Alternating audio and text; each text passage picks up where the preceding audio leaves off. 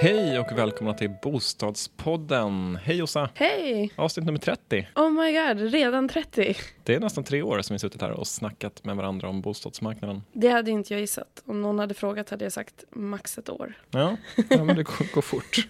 Men nu sitter vi här. Kul att ni fortsätter lyssna och tack för all feedback. Mm. Och det har ju gått som sagt tre år, men eh, vi är ju samma tagline. Bostadspodden är en podd om bostäder, bostadsmarknaden och allt runt omkring. Fortfarande. Ja, och idag så tänkte vi snacka om bostadsmarknaden i april. Det är ju ganska spännande nu med skärpta amorteringskravet som infördes eh, och eh, efter sköljningarna, vad säger man? Efter svalkningarna Svallet? Nej, jag vet inte. Nej. och eftersvallet efter eh, skärpta amorteringskravet är i alla fall intressant och prata lite grann om. Mm. Så vi tänkte snabbt gå igenom läget lite nu på bostadsmarknaden och sen tänkte vi djupdyka lite i statistik som du har varit med och ta fram, Jossa.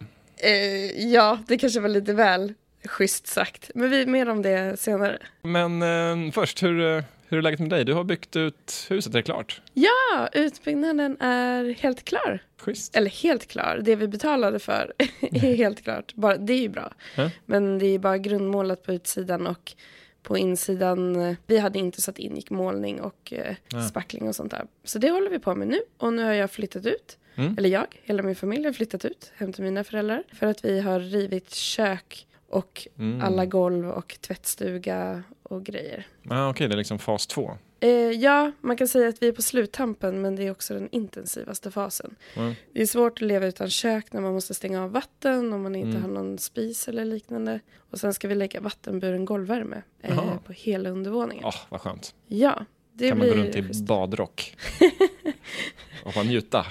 Det är alltså inte flytande vatten. Nej, okej.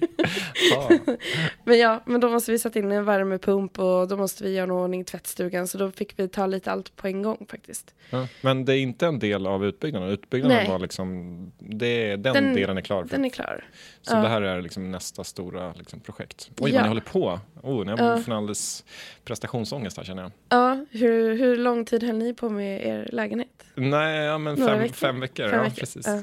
Vi är uppe i två år. Ja. och det, det är ju lite lång tid. Ja, men det är Är lite skillnad mellan hus och lägenhet också. Ja, det är det. Gör ni allting själva nu eller tar ni hjälp nu också? Nej, min pappa gör väldigt mycket. Mm. Eh, Så vi och vi, det är pappa. Mm. Sen så har vi såklart hjälp av rörmokare och elektriker och andra det. fackmänniskor. Mm. Som man behöver ibland. Och när ska det här vara klart och när ska ni flytta tillbaka igen? En bra fråga. Till Ja. midsommar. Alltså det är så pass länge Ja, nu? tänkte Wow. fira midsommar med släkten i huset. Ja. Då är dock inte trädgården klar, men midsommar brukar ju regna bort. Så att, eh, Ja. När blir det inflyttningsfest för oss andra då? ja, det, det får jag återkomma med. Ja. Bjud in alla lyssnare. Ja, precis. Ja, som sagt, jag återkommer. Okej, jag ringer dig. ja, ja, men då vet man läget. Ja, själv då, Kalle? Jo. Händer det något? Nej, det händer ingenting. Eller jo. Nej. Nej. vi håller på att titta på solceller ute på vårt fritidshus ute på Ängarö. Oj! Det är lite kul. Jag är lite Ja. miljönörd, så, eller är väldigt intresserad av, av att försöka få till ett så hållbart boende som möjligt. Så eh, det ska bli spännande att försöka sätta sig in lite i hur solceller funkar. Mm. Med allt ifrån eh, olika elcertifikatshandlingar och eh, ja, hur det funkar helt enkelt. Kanske får kul. återkomma i något avsnitt om det. Jag tror att det är, eller det är väldigt populärt nu. Ja, det känns som att det har börjat öka, öka. Det börjar ta fart liksom. Mm, ja men verkligen. Mm. Och det är en så himla bra grej och det är så himla enkelt att räkna på att göra det till en ganska bra investering. Mm. Visst, så här, luftvärmepump, superenkelt, billigt och det borde ju alla göra liksom. Och sen Mm. så bergvärme, så här superbra investering, så stabilt. Men solceller är att man, man kan producera så, mm, så här el till, till massa andra grejer också, det är inte bara värme. Ja. Till till exempel sin elbil eller, eller annat. Ja, men om priserna har gått ner så mycket och solcellsbidraget är 30% som man kan räkna av. Så det är ju sj- sjukt bra deal. Mm. Alla uträkningar jag har sagt har ju så här, man räknar hem det på typ 9-10 år om man har ett hyfsat stort tak och en hyfsat stor elförbrukning. Oj, spännande. Mm. Då kanske vi får ta hit någon expert i höst då kanske. Mm. Eller om jag har blivit expert efter all den här upphandlingen som jag håller på med. Ja, Men det kanske vore kul att höra någon annan. Jag bara jag lyssnar gärna på dig Ja, också. tack, diplomatiskt. ja, nej, men eh, jag tar eh, jättegärna in någon. Eh, ja, har ni Mm. någon tips där ute på någon som kan solceller så hojta gärna till. Så Mm. skulle vi gärna vilja intervjua den personen. Ja. Grymt, men ska vi snacka lite om bostadsmarknaden? Eh, ja, precis. I mitten på maj så släpps ju mycket av statistiken för april. Mm. Och just den här månaden tyckte jag att det var extra rörigt för att rubrikerna varierade så himla kraftigt. Det var någon som beskrev det som att eh, bostadsmarknaden rasade på morgonen och på eftermiddagen så gick den upp och sen på kvällen så hade den stabiliserat sig. Okej, inte det lite ett mantra vi har i den här podden, ändå, 30 avsnitt? Det känns som ganska många gånger som vi har sagt att man inte ska läsa rubrikerna. Ja, Det har inte precis. fastnat riktigt hos... Ja, för nu har jag skrivit ner lite rubriker här. Alltså, okej. Ja, nej men absolut. För det, och det är, ibland är det ju lite svårtolkat och journalisterna väljer att vinkla från eh, lite olika håll och beroende på hur man, som vi också pratade om, hur man väljer att se siffrorna. Kollar man bara på lägenheter eller villor eller vilken del av landet tittar man på? Eh, så, det, så det är klart man kan. Det, det behöver inte betyda att de säger emot varandra eller är fel. Utan att man har valt att titta på olika saker. Men det var lite så här, bostadsmarknaden sval i april. Uppåt på svenska bostadsmarknaden. Stabiliserad bostadsmarknad. Små prisrörelser på bostadsmarknaden och boras. Boras. Ja, det var även, eh, nu skrev jag inte upp det, men det var även någon som nu eh, drar priserna iväg och så hade det gått upp någon procent. Mm. Så det är lite hur, vad man lägger i. Nej, men det är orden. verkligen intressant det där och det säger väl kanske mer om vårt intresse att följa så här, små kortsiktiga förändringar i bostadsmarknaden än vad det säger om bostadsmarknaden själv. Mm. Just när det är sådana otroliga skillnader i rubriker. Boraset och eh, uppåt på bostadsmarknaden. Här, att, att man kan ha så två olika, helt olika, diametralt olika rubriker på samma data. Typ. Mm. Ja. Ja, det är... Uh. Ja, men du har svaret, eller? Nej, men jag har väl kollat lite på våran statistik också. Och vill man djupdyka lite grann då för att nyansera de här rubrikerna så har vi sagt här tidigare att eh, det är jättesvårt att säga någonting som gäller liksom just ditt område. Eller så här, när lyssnare hör av sig Mm. så är det oftast så svårt att säga någonting om. Man kan säga en sak generellt om Sverige och man kan säga en sak om Stockholms län eller en sak om Stockholms kommun. Men ska man veta exakt vad som gäller sitt eget boende så behöver man gräva sig ner lite eh, mer lokalt för att de olika delarna i Sverige skiljer sig ganska mycket åt. Mm. Eh, helt enkelt. Så, men eh, om jag ändå ska försöka uttala mig lite generellt då. Så tittar man på Sverige så har priserna typ varit oförändrade senaste månaden. Så visst lite så här plus och minus här och där men jag skulle ändå säga om någon frågade mig typ oförändrat eh, sen då skärpta amorteringskravet infördes. Så jag skulle inte säga bo, boraset, jag skulle inte säga starkt uppåt. Men typ oförändrade. Men däremot så börjar man titta på de olika parametrarna så är det lite mer dramatiska saker som man kan se. Dels så är utbudet av bostäder mycket större än tidigare år. Fortsatt då, så har det varit ganska länge nu. Mm. Egentligen sedan i höstas. Och framförallt nyproduktion, det har vi också sagt tidigare i podden. Men att nyproduktionsutbudet är mycket högre än tidigare. Ja. Och tittar man på budgivningarna och antalet återpublicerade bostäder så kan man också se att budgivningarna ökar inte lika mycket. Det verkar som att budgivningarna är mycket lugnare nu än tidigare år. Mm. Lockpriserna är ju i princip borta även i Stockholm. Mm, precis. Så går man på en visning nu så kan man nästan förvänta sig att betala det priset som står i annonsen. I alla fall inte jättemycket mer än det. Så var det inte alls för ett eller två år sedan. Nej, det är till och med så att var fjärde bostad säljs under utropspris. Mm. Wow, ja, men det är ju ganska mycket. Mm. Ja, men så det är ju liksom ganska dramatisk skillnad från, från tidigare år då. Eh, men kanske inte från så här, det skärpta amorteringskravet. Eh, så. Utan det är bara en, en fortsättning i den riktningen. Och till och med på återpublicerade bostäder också så är det ju högre återpublicerade. Det betyder ju att folk som har försökt sälja tidigare, lagt ut en annons på olika marknadsplatser, bland annat Booli, så har de tagit tillbaks den annonsen när de inte fått bostaden såld och så har de kommit tillbaks kanske en månad senare och lagt tillbaks annonsen och försökt sälja den igen. Mm. Så den andelen människor som har gjort så är alltså mycket högre än tidigare år. Mm. Nej, men det var väl kanske en liten sammanfattning. Börjar man zooma in lite mer och titta på priser i Göteborg, Malmö och Stockholm så kan man ju se också, och jämfört med tidigare år, så är det ju fortsatt liksom neråt. Det är inte så stor skillnad som sagt mot senaste månaden eller senaste månaderna. Mm. Men däremot sen tidigare år så är det fortsatt liksom lägre än tidigare år. Och eh, som sagt, det är tydlig skillnad från tidigare år men det är verkligen ingen krasch än så länge. Skulle jag säga i alla fall. Det är Stockholms kommun som eh, lägger längst ifrån om man tittar på Göteborg, Malmö, Stockholm. Och tittar man på Stockholms kommun där det finns framförallt lägenheter så ligger vi nu ungefär på 9% under i slutpriset per, ja, då har vi kollat på per kvadratmeter. Då. Och tittar man på småhus, då får man ju titta lite utanför Stockholms kommun och titta i Stockholms län, så är det faktiskt ännu större skillnad. ungefär 12,5 procent under i slutpris. Så eh, det är ju en tydlig skillnad på priserna nu än vad det var från förra året. Men det är inte så jättestor skillnad de senaste veckorna eller senaste månaden. Så den här är någonting som har hållit i sig, hållit sig stabilt sedan det skärpta amorteringskravet infördes. Ja, precis. Som sagt, det är inte så dramatiskt just Nej. nu. Typiskt, annars hade vi säkert fått jättemycket lyssnarsiffror om vi kunde presentera något ja. helt amazing. Ja, alltså bubblan spricker. Ja, äntligen händer det. Ja. En annan gång. En annan gång, det kan komma. Eller så gör det inte det. Fortsatt stabilt helt enkelt.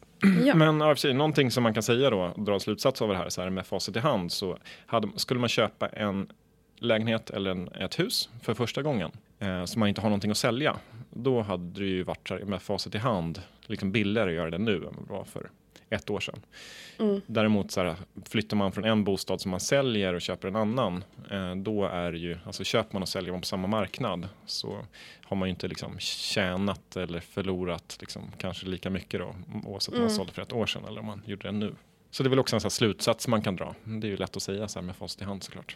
ja, precis. Det är svårt att räkna ut på förhand. Ja, nej men eh, man kan ju djupdyka lite i nyproduktion också. Det ska vi kanske inte göra nu. Det kan vi ta ett separat mm. avsnitt. Något jag gjorde lite kul bara innan vi, spelade, innan vi gick in här i studion. Eh, bara söka på, på bolag kan man ju klicka på prissänkta objekt och bara visa prissänkta objekt och så kan man visa bara nyproduktion.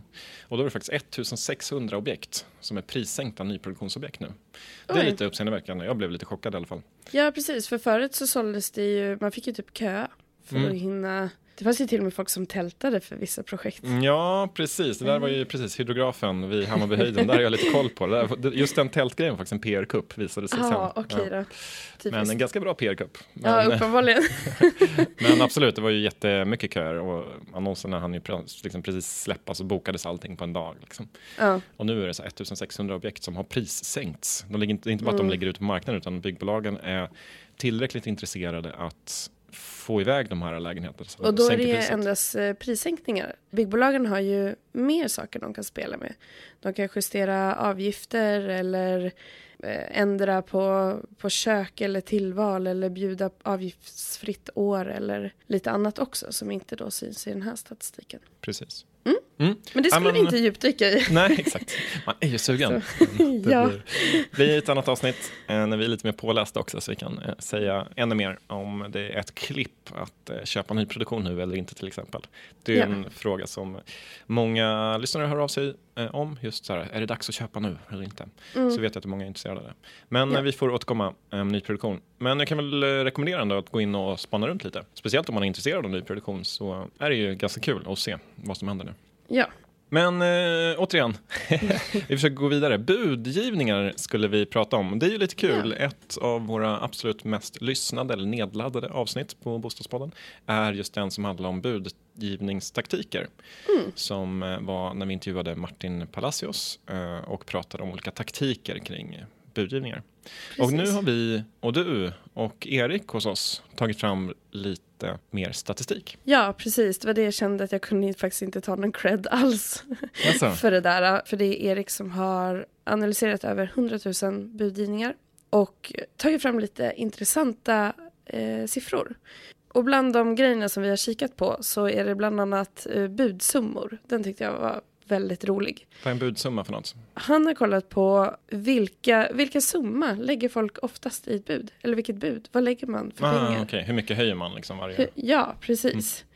Nu skulle jag vilja säga så här, vad tror du spontant? Men du vet ju. Eh, jag har ju sett så. siffrorna, men det var väl uh, kanske inte jätte... Jag kan inte säga att jag blev superchockad. Du blev inte det? Nej, mm. för det vanligaste budet, mm. eh, och det är dubbelt så vanligt som bud nummer två, mm. är att lägga 10 000 kronor. Anledningen till att blir så chockad är att jag är en person som lägger 10 000 kronor. Det är du som har dragit upp den här statistiken kanske? Ja, jag är också en person som lägger väldigt många bud. Så att det kanske hör ihop. Så här, det, blir, det är ju vanligare såklart med bud på 10 000 kronor än bud på 100 000 kronor. För man orkar inte buda, eller man har kanske inte ekonomi att buda 100 000 kronor speciellt många gånger. Nej, Men 10 000 precis. däremot kan man ju buda upp lite. Ja, och Låter 5 helt 000 sjukt, är ju lite fjantigt lågt. Stock- nu låter jag som stockholmare. Ja, jag känner också att man blir Oj. lite dryg här och Oj. 10 000 är inga pengar.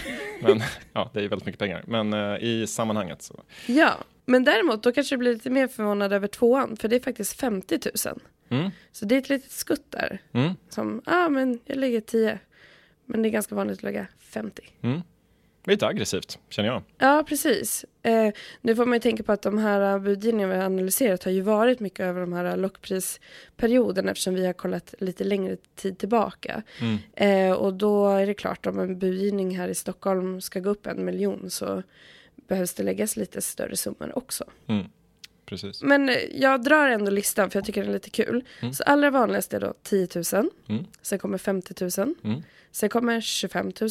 Mm. Sen kommer 20 000.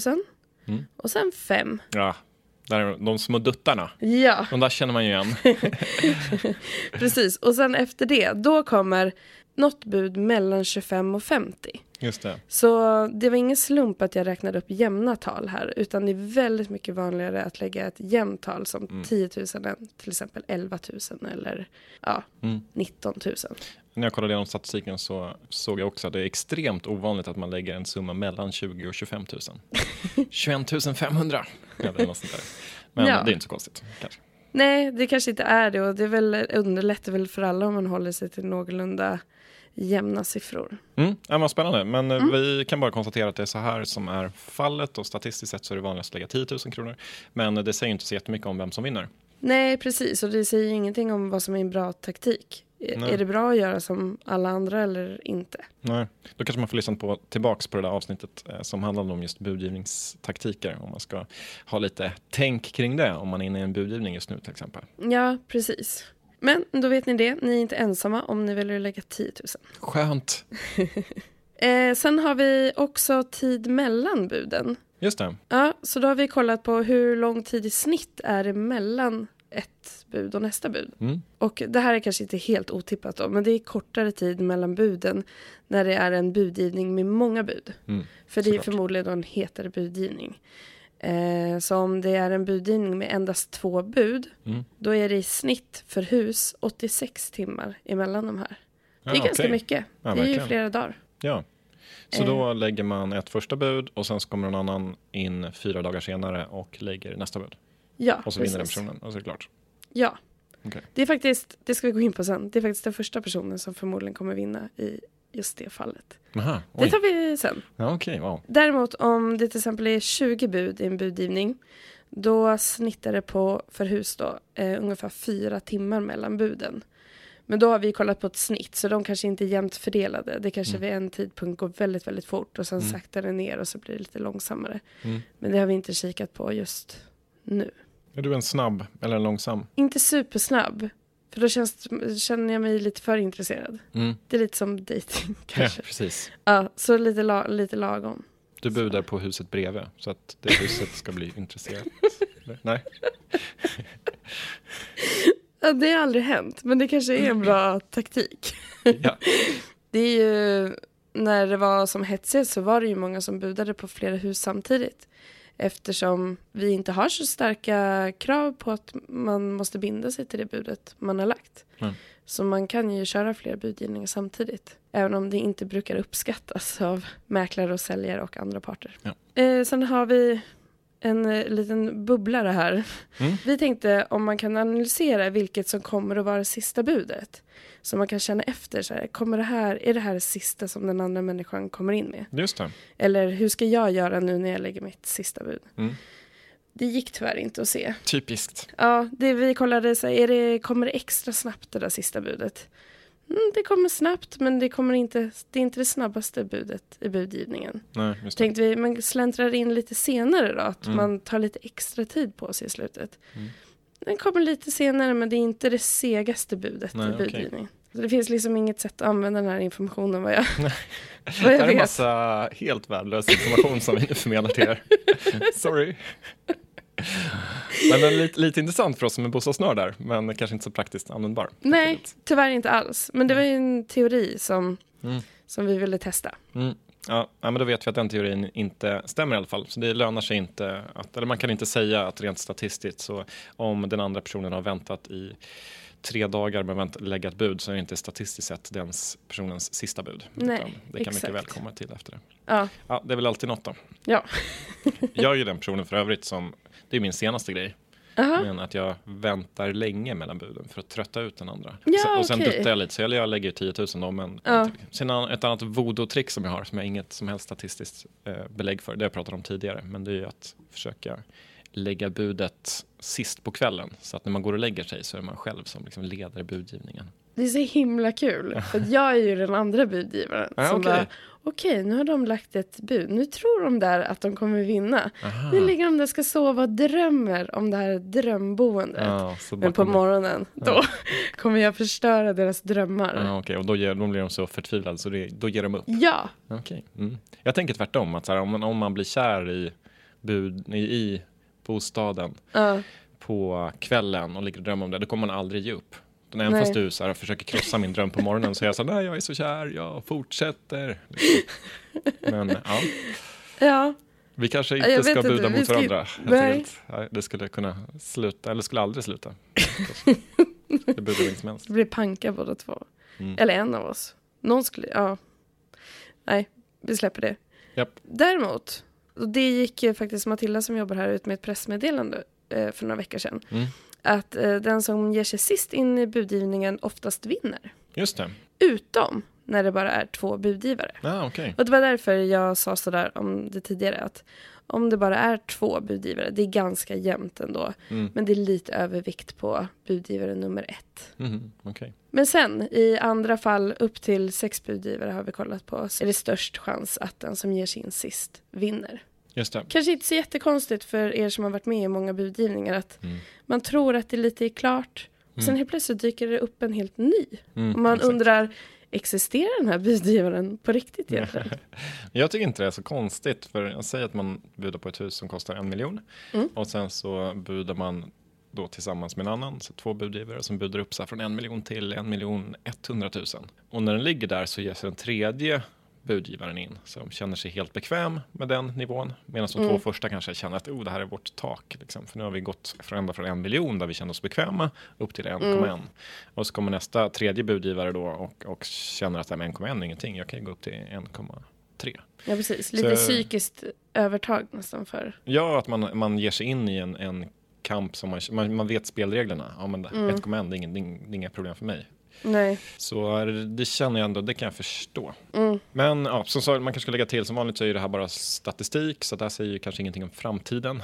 ingenting som man kan använda liksom, i sin egen budgivning. Spel, säger ju inte heller speciellt mycket om det enskilda fallet, men liksom statistiskt så historiskt på de budgivningar vi har undersökt så har vi sett de här tendenserna i alla fall. Precis, och jag vill faktiskt tillägga ett av mina tips då, Mm. när man budar. Eh, det är att okej att det kanske låter som att det är bra att komma in sist i budgivningen. Mm. Men det är också bra att kom, bara komma in i budgivningen. Så Mhm. att det finns med i mäklarens register. Och det gäller framförallt hus. Just det. Eh, för det hände oss faktiskt, jag tror vid tre tillfällen att den som vann budgivningen drog sig ur. Just Och det. då börjar mäklaren ringa runt till alla andra som har budat. Och har man då inte hunnit buda för att Mm. det gick upp för snabbt och man tyckte att det inte var någon idé, då um, vet ju inte mäklaren det. Just det. Och då kanske man inte får frågan. Ja. Så vi fick ju vårt hus på det sättet att vi var bara två budgivare och den andra vann men drog sig ur med friskrivningsklausul efter besiktningen. Mm. Och då ringde mäklaren bara oss, Mm. frågade ingen annan. Och då är det ju bra att man har varit, nu var vi ju bara två så det, vi Mm. behövde ju vara med men det, det är bra att vara med i Mm. alla fall. Är man med i matchen så kan man i alla fall vinna. Om Ja, precis. matchen så. Jag har stått vid sidan av många gånger för att Mm. jag tänkt, jaha nu gick det så snabbt, jag hann inte. Ja. Men det kanske, man vet aldrig. Mm. Samtidigt kan jag tycka ibland att jag inte vill ge mig in för jag vill inte trigga liksom prisruschen. Nej, Men ja, nej, precis. Ja, Men, eh, det är ju ändå ett bra tips. Ska vi, det var typ det vi tänkte prata om. ja precis. Återigen, stort tack för att ni lyssnar. Mm. Och vi fortsätter ju publicera olika inlägg på Instagram. Så gå gärna in på Instagram, sök på Bostadspodden och se lite mer grafer och statistik där också. Sånt som är kanske inte superbra material i en podd. Att sitta och rabbla massa siffror i massa olika län. Eller Ja. försöka illustrera en graf med hjälp av ord. Sånt, sånt passar faktiskt Instagram lite bättre för. Så gå in där, följ så om ni är intresserade av bostadsmarknaden. Men eh, ja, tack för oss. Ja, och eh, som vanligt når ni oss också på mejl.